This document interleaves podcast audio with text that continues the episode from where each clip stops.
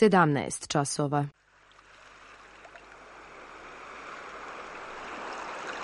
Radio Televizija Srbije.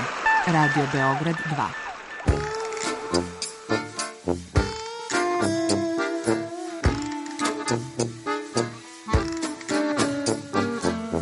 Rekli su mi, gospodine, vi ste promašili temu. Pa ja sam onda promašio život. I ne znam šta će da bude sam. Kaže, ja ne mogu više te čuvam. Šta da ti radi, kaže, snađi se kako znaš.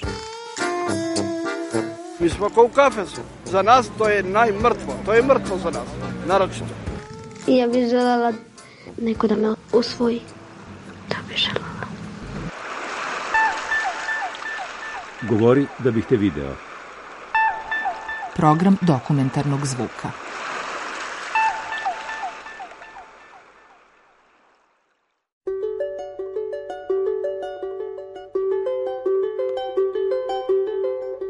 Tačno na osmogodišnjicu od početka svog putovanja biciklom oko sveta, Snežana Radojčić kupila je kartu u jednom pravcu za Latinsku Ameriku. Bio to poslednji dan 2019. godine, samo nekoliko meseci pre izbijanja pandemije.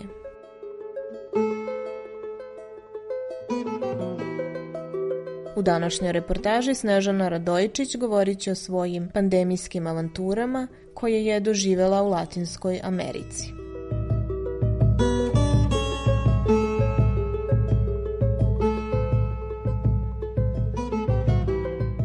Trenutku kad je pandemija stigla u Latinsku Ameriku, ja sam bila na ruti Karatera Austral, to se nalazi duboko, duboko, daleko na jugu Patagonije, i tamo uglavnom nema signala, a i kad ga ima, jako je loš. I nisam imala vesti o tome šta se dešava u Evropi, pošto je u Evropi tad već bilo uveliko je došlo iz Kine.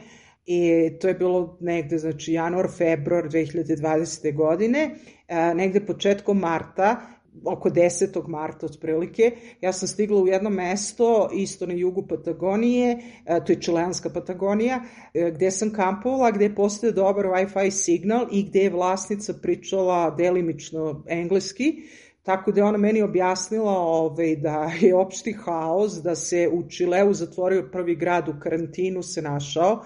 To je jedan grad na jugu pored koga sam ja prošla, srećom nisam skrenula u njega a, gradu koji često odlaze turisti, a koji je dostupan uglavnom sa mora i kruzeri pristaju tu, a na kruzerima su uglavnom bogati ljudi iz Evrope i Amerike i jedan Britanac 72-godišnji, to je prvi registrovani znači, slučaj u Čileu, testiran je pozitivno na koronavirus i skinut je sa broda, ceo grad je stavljen u, u Tartal se zove grad, ceo grad je stavljen u karantin i to sam ja sve čula ovaj, dospivši u to mesto i onda sam naravno sela odmah da pretražujem vesti i za nekoliko sati sam ovaj, naravno saznala šta se dešava, shvatila sam zato ne treba biti baš ovaj, mnogo ni pametan, niti biti neki prorok da sve ono što se dešavalo u Kini, a što se već uveliko dešava, tad, tad je bilo u jeku u, u Evropi, znači ono, Italija je bila u haosu, Španija je bila u haosu,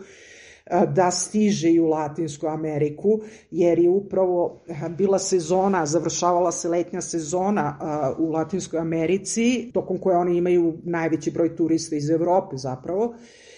I ovaj, želela sam da pređem u Argentinu, pošto je Čile jako skupa zemlja i mene je delilo bukvalno dan, jedan dan me delio od Argentine, pola dana vožnje biciklom i još plovidba preko nekog kanala, da bih ušla u Argentinu, međutim, i to sam planirala, sećam se, bila je nedelja, i planirala sam da to uradim u ponedeljak, međutim u ponedeljak ujutru vlasnica tog kampa mi kaže da je predsednik uh, objavio ovaj lockdown Čilea.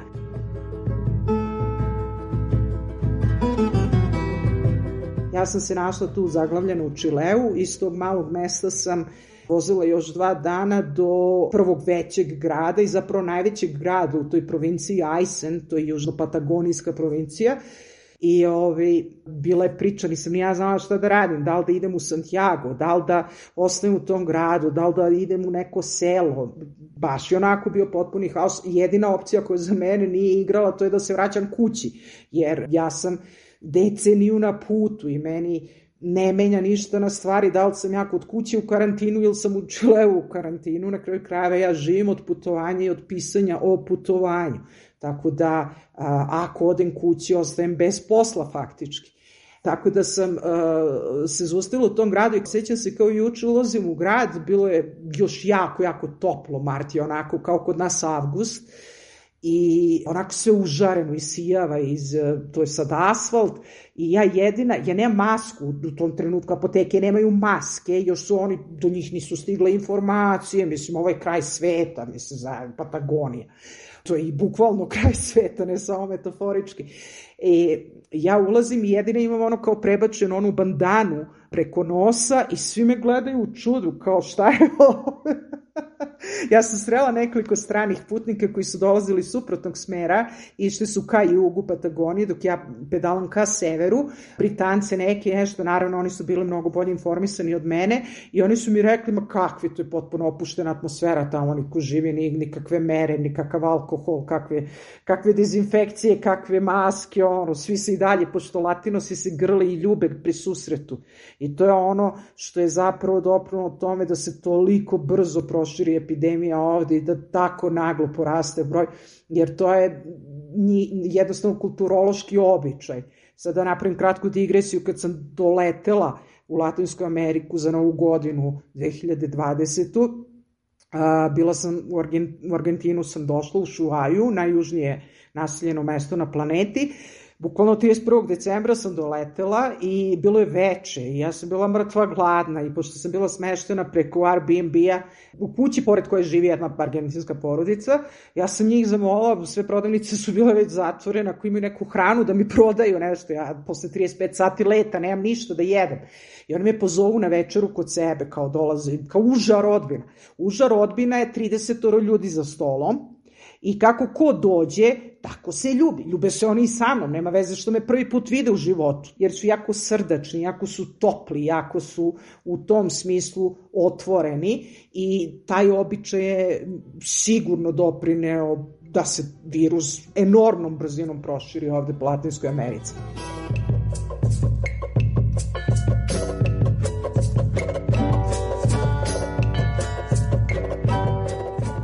Smestila sam se prvo u kampu gdje je bila većina stranaca i biciklisti, backpackeri, uh, ovi što putuju venovima, svi ti putnici na duge staze.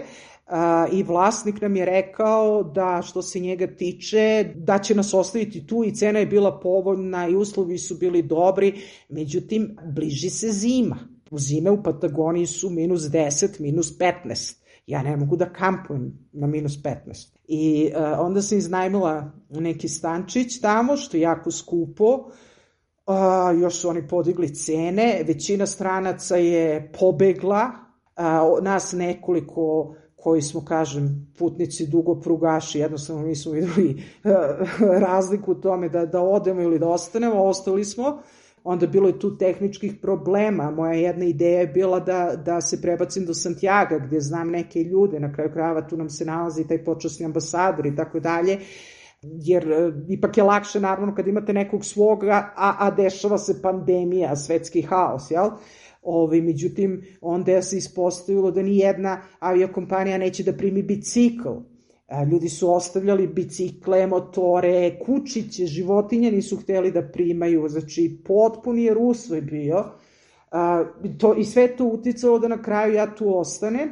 Pomogla mi je jedna naša devojka koja živi 20-30 km od Santiago, šest godina već živi, radi tamo. Bez njene pomoći, ono na daljinu, ali non stop je bila tu za mene, što god da mi zatreba. Teško da bih se ja snašla u tom haosu ja sam inače jako pripremna i racionalna na putu, međutim, tad sam i ja upala onako pomalo u paniku, jer ja inače živim u stalnoj entropiji.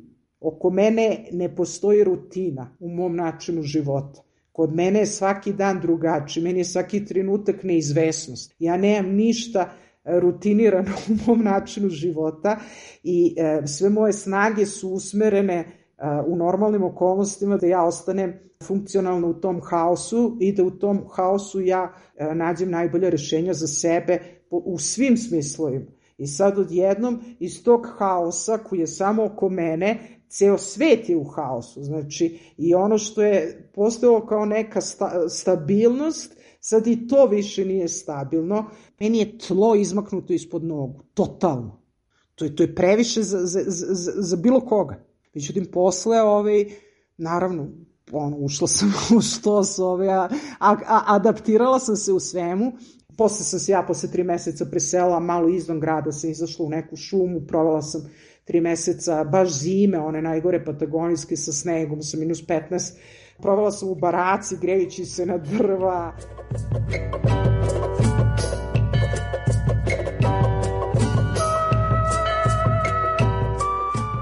Tih šest meseci, bukvalno sam ostala šest meseci tamo, iskoristila sam da napišem putopis o Japanu, Tako da to vreme sam korisno upotrebila u svakom smislu i, i bila sam i mentalno angažovana oko toga i kreativno, što je uvek dobro, a i materijalno nisam bila na gubitku, budući da je Patagonija jako, jako skupa, to je rang eh, severnoevropskih zemalja, znači rang Norveške, Švedske, Međutim, zahvaljujući tome što sam napisala, objavila i dobro prodala tu knjigu, uspela sam da se pokrijem.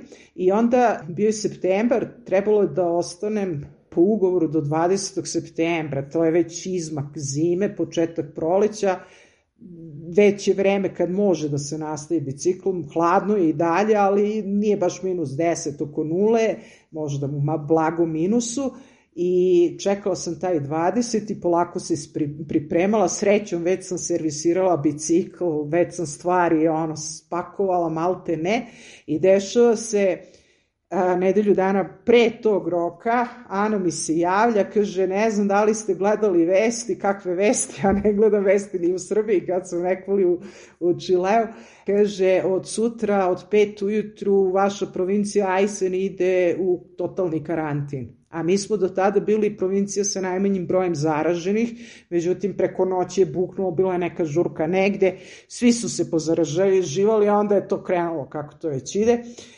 I to je, uradila sam najluđu stvar koju nikada, znači ništa tako ludo za svih ovih deset godina nisam uradila i ne znam da li bih opet uradila, verovatno kad ovako racionalno razmišljam nikad ne bih ovaj, o tome razmišljala, znači ja jednostavno nisam više mogla da ostanem na tom mestu, jer sam završila sve što je trebalo, se za, što sam imala da završim. Ispoštovala sam maksimalno karantin cele zemlje i sve to. Ja sam od 10 uveče do 12 uspela da se spakujem, natovrim bicikl i ja sam krenula, nisam se odjavila ni gazdarice, ništa, napred sam ja to sve platila. I ja sam potpuno zaboravila da je policijski čas u 10 i da ja ne sam da budem na ulici. Ja pošto sam bila izvan grada, morala sam da prođem kroz grad da bih izašla na taj put, jer e, sa Patagonijom je problem, tamo postoji samo jedan put sve ostalo su planine, znači vi nemate kuda, morate tim putem i njima je lako da zatvore provinciju. I uh, onda sam ja izašla, kažem, u 12 sati, u 12.10 prelazim most, prilazim gradu, žandarmerija se zaustavlja ono sa farovima, dvojica njih izlaze, oni ne pričaju engleski, ja ne pričam španski, ono te ga učim. I pitaju oni mene gde ću ja, ja rekao moram da izađem do tog mesta, objašnjavam na ono malo španskog što znam, i oni se zgledaju, ne znaju šta da rade sa mnom. Mislim, naravno, to je zato što sam ja stranac, da nisam stranac, kazne su bile užasne, kazne su bile po hiljadu evra za kršenje policijskog časa i takve stvari. Međutim, oni zaista nisu znali šta da rade sa šačicom stranaca koja je ostala i koja im tako iskrsne od nekud. I onda su oni verovatno videli da sam ja, da ja nisam pri sebi, jer sam bila prilično izbezumljena zbog svega. I onda su mi rekli ono kao, ajde idi, misliš što je potpuno neverovatno da tako nešto urede. Uglavnom, pustiš oni mene i ja sa cele noći, morala sam da prođem kroz taj nacionalni park koji Ajke, lisice su mi pretrčavale put, to je zemljani put, nema asfalta, sve je uzbrdo, gurala sam, ne mogu da vozim.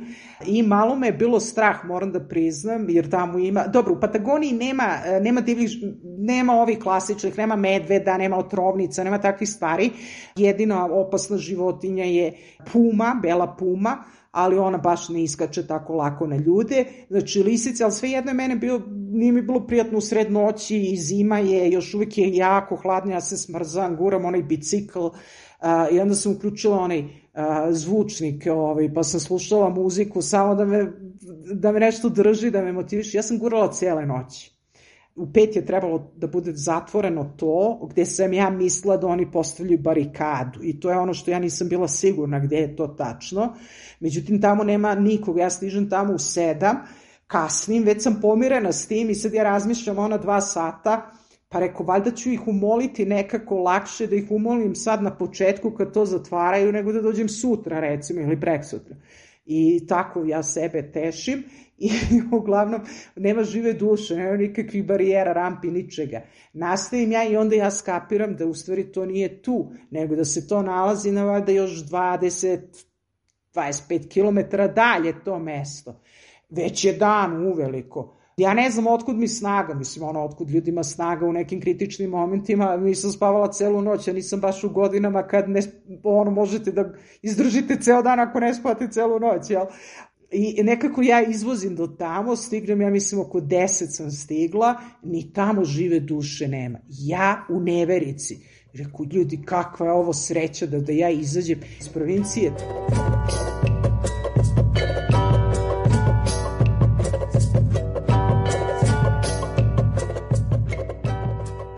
I tako sam ja ovaj, lepo putovala, manje više neometano, do Atakame, prošla sam Atakama pustinju, pazite, Čile je 4000 km od, od najjužnije do najsevernije tačke, znači ja sam putovala, ozbiljno sam putovala.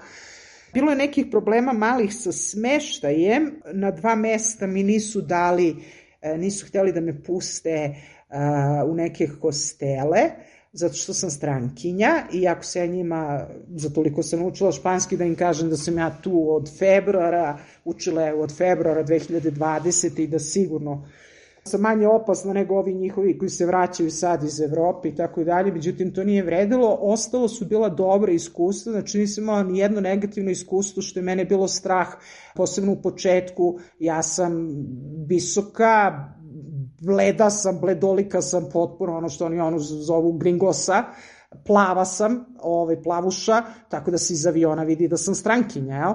I bila sam u strahu, to se svuda dešavalo, ovaj, da upiru prstom u stranci u nekim zemljama, ja znam neke putnike koji su prošli loše, ovaj, u Boliviji, iz Argentine su izbacili sve, bukvalno su izbacili, natrali su sve strance koji nemaju rezidencijalni status da odu, Čile Čile čak do, dopustio dvoje mojih prijatelja s kojima sam manje više se sretala od Ušuaje, oni su italijani Malajka, bračni par, oni su pre mene krenuli isto ko ja i jedno mesec dana i u isto vreme smo bili tamo.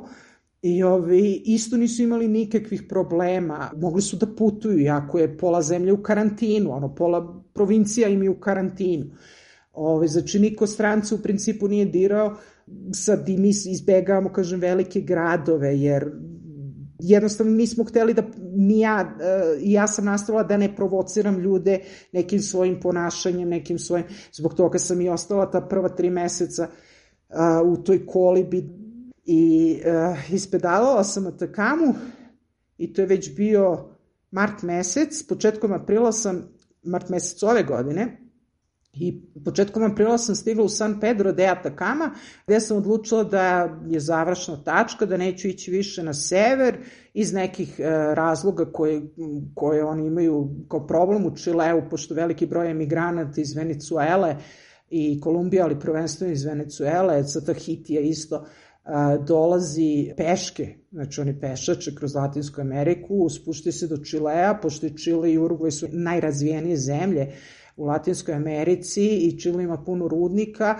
Oni dolaze da bi radili u, u rudnicima i prelaze Atakama pustinju peške i ima ih jako puno, oni imaju humanitarnu katastrofu tamo na severu Čilea uz virus i sve probleme u vezi sa virusom. Tako da ti putevi nisu više bezbedni. Čile je inače jako bezbedna zemlja za putovanje i za stranci i za samu ženu na kraju krajeva. I zbog toga sam odlučila da neću ići dalje na sever, jer već gore je bilo jako opasno. Oni se spuštaju iz Perua i iz Bolivije sa tog altiplana.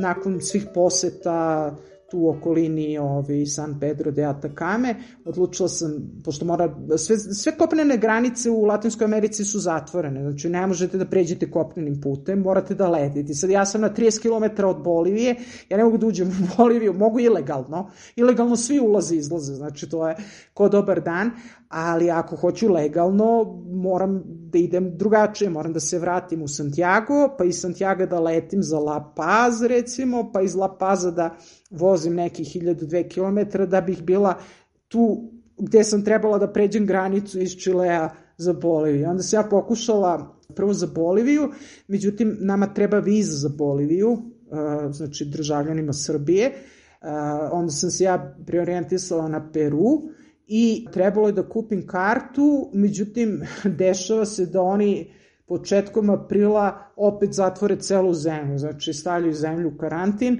povuku sve letove. Znači, nema, ne možete odete na bilo koji onaj Skyscanner ili bilo koji sajt, ne možete da nađete ni jedan let. Čile je totalno zabranio ulazak, izlazak iz zemlje, čak i svojim državljanima. I tako ja ostanem prisilno još mesec dana u, u San Pedru. Uglavnom tamo sam ostala u jednom hostelu koji je tipa E, to, je, to je jedno veliko dvorište sa nekoliko kućica zasebnih u kome neki kampuju, a neki su u zasebnim sobama ili kućicama. I sve u svemu nas je bilo njih četvorica i ja jedina žena, od toga njih trojica, pa sva četvorica rade tamo zapravo, odnosno trojica rade, a jedan je sa uskrašnjeg ostrva, takođe zaglavljen, ali nema letova za uskrašnje ostrvo. I ajde da kažem to je bilo jako poljna varijanta, ja imam svoju sobu, ne mešam se s njima, delimo mi kuhinju, ali ja nešto i ne kuvam tu, imam ja svoj gorionik i tako dalje.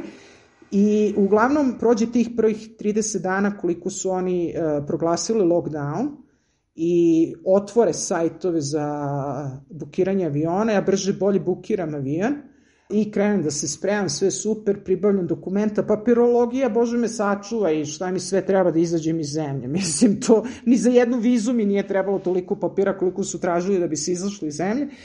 Uh, uradila sam testove, vakcinisala sam se umeđu vremenu, to je to jedna od lepih stvari u Čileu što su nabavili dovoljno vakcina i odobrili su svima da mogu da se vakcinišu, s tim što sam i tu imala probleme, malo mesto, pa oni nisu bili informisani da svi mogu da se vakcinišu, jer meni istekla uh, isteklo pravo boravka, ja sam u takozvanom overstayingu već 6, 7, 8 meseci, ne znam nija koliko, ja ću platiti penale, platila sam penale za to, uh, to nije neka suma, ne znam, ja sam platila za 253 dana overstayinga, platila sam manje od 100 dolara, međutim, po njihovom zakonu, od trenutka plaćanja toga ja u roku od 10 dana moram da napustim zemlju. Ako ne napustim zemlju u roku od 10 dana imaju pravo da me deportuju. Znači onda sam prekršila sve njihove ono, zakone I sad to je bitno za, za priču koja sledi, jer šta se dešava? Na aerodromu sedim ja kao evo, još sat vremena u krcavanju u avion, napokon da odem više iz ove atakame, prilaze tri devojke u uniformama, onim njihovim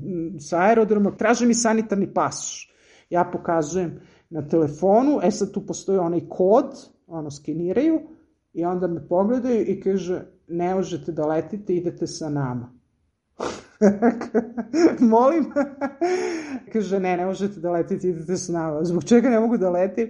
Pa kaže, e, neko je prijavio da ste bili u kontaktu sa zaraženom osobom. Rekao, to je budalaština, jer ja bukvalno nigde mrdala nisam ta dva meseca, osim hostel, prodavnica, nikakav restoran, nikakve žurke, ništa, ništa, ništa. One pozovu kolege i u, i u jednom trenutku njih je osmoro koji mene hapse, kao u, kod Kafke u procesu. Ja odbijam da ustanem, reku, ne možete tek tako, mislim, ko ste vi ljudi na osnovu koji dokaza, se imate, dajte da uradim rapid, brzi test, imate negativan test, moj manje od 24 sata kako sam ga uradila, ovi ne možete tek tako da me skidate sa leta, ne mogu ni da otkažem sad let, izgubit ću pare, mislim, a, znaš, ja ni, nisam ki nisam imala kontakt.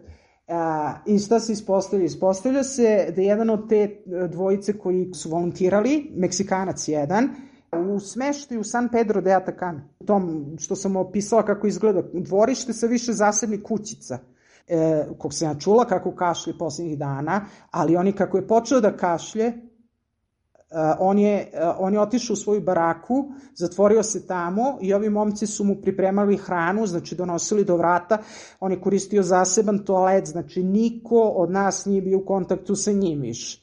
Međutim, uh, rekonstruis, uglavnom, ovi mene izvode sa aerodroma i vode me u državni karantin.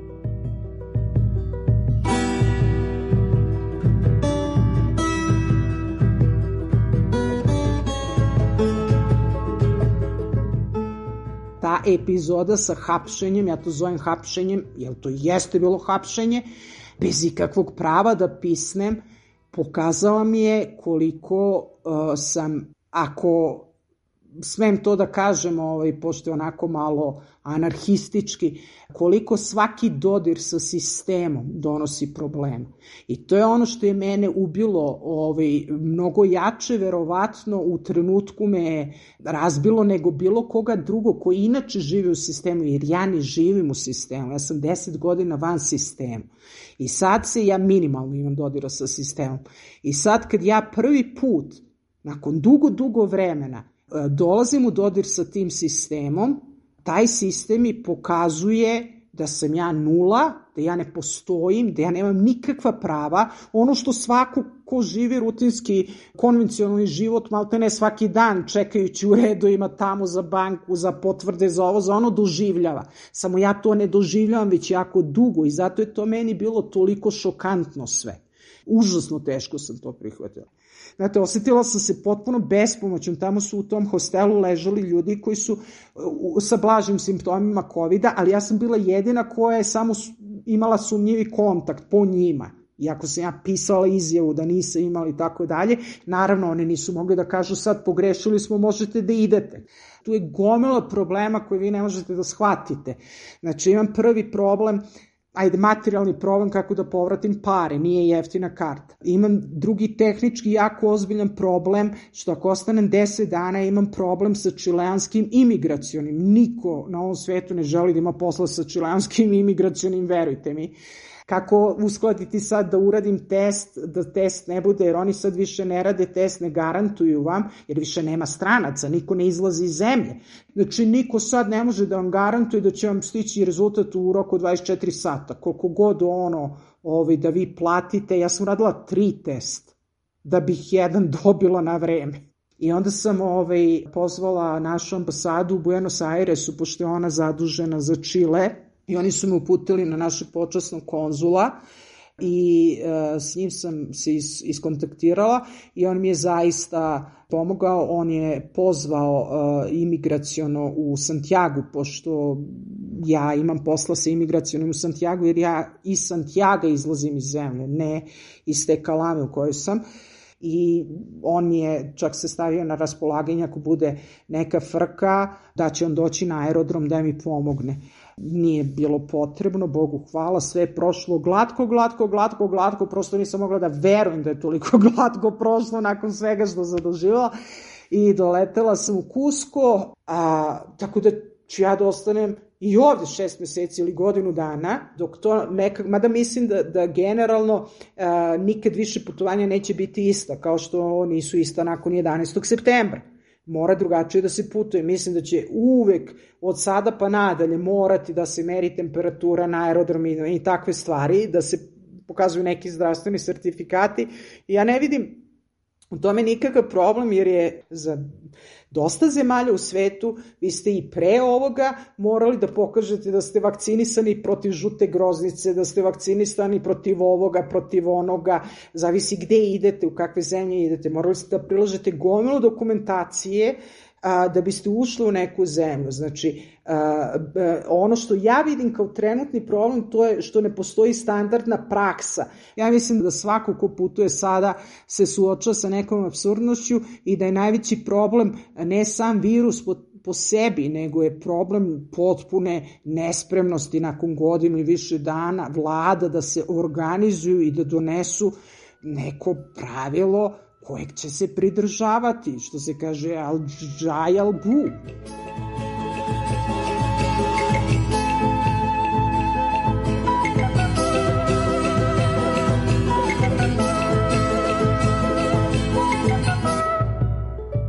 U reportaži govorila Snežana Radojčić. Autor Milena Radić.